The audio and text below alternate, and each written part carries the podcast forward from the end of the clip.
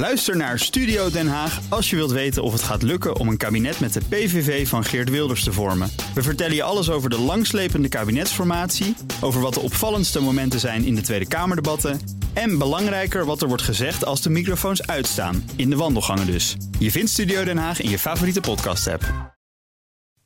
De column van Paul Lasseur. Ik moet het nog zien hoor, maar het lijkt er echt op dat de Formule 1 in 2020 terugkomt naar Zandvoort.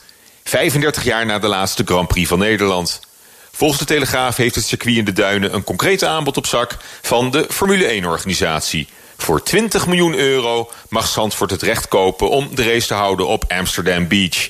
Het TT-circuit van Assen was ook in de race, maar lijkt in één klap volkomen kansloos. Na het zeer geslaagde mediaoffensief van Zandvoort en de eigenaar van het circuit, Prins Bernhard van Oranje. Ondanks de superieure staat van het asfalt en de tribunes en de perfecte bereikbaarheid van de Drentse hoofdstad hebben ze in Assen het nakijken. Over het derde en meest verstandige alternatief, om volledig af te zien van Formule 1 races in ons land, hoor je niemand. Omdat emotie het hier wint van de ratio, op alle fronten. De droom is hier veel belangrijker dan de werkelijkheid. Geld speelt dus eigenlijk geen rol. En praktische bezwaren evenmin. Met de grootste welwillendheid, van links tot rechts, worden de plannen van de prins toegejuicht. Want Max Verstappen, de historie van Zandvoort. Critici zijn niet te vinden of laten zich niet horen. Ook bij de publieke omroep, van Nieuwsuur tot Pauw, was geen wanklank te beluisteren. Zelfs de fractievoorzitter van GroenLinks notenbenen in Zandvoort... mocht in het NOS-journaal een warm pleidooi houden... voor het organiseren van de Formule 1 in zijn gemeente.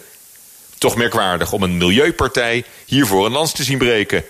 Want erg groen kun je het evenement niet noemen. Eerder een orgie van lawaai en fossiele brandstoffen. Geweldig voor autosportliefhebbers, maar toch niet voor broedende vogels en duinkonijntjes... Slechts een deel van de tientallen miljoenen euro's voor organisatie en verbouwing van het circuit kunnen worden terugverdiend met ticketverkopen en sponsoring door bedrijven. Zonder wezenlijke bijdrage van de overheid gaat het nooit lukken om hier een sluitende business case van te maken. Helemaal als het binnen anderhalf jaar geregeld moet zijn. Nuchter bekeken is het gekke werk om zoveel overhoop te halen voor drie dagen autopret met Max Verstappen. Zou dat belastinggeld niet beter besteed kunnen worden aan breedte sport de ontwikkeling van het vrouwenvoetbal of e-sports? Eerlijk gezegd, ik denk van niet. Een volk heeft helden nodig en moet kunnen dromen. Bij gebrek aan voetbalsuccessen is Max Verstappen en de terugkeer van Formule 1 op Zandvoort een geschenk uit de hemel.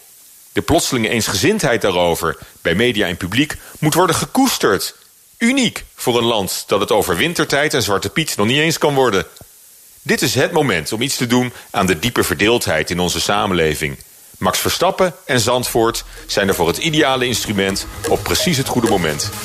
En dat mag best wat kosten. Prettige maandag. Zij Paul Lasseur in zijn eh, wekelijkse column. Die kunt u terugluisteren op bnr.nl en in de BNR-app.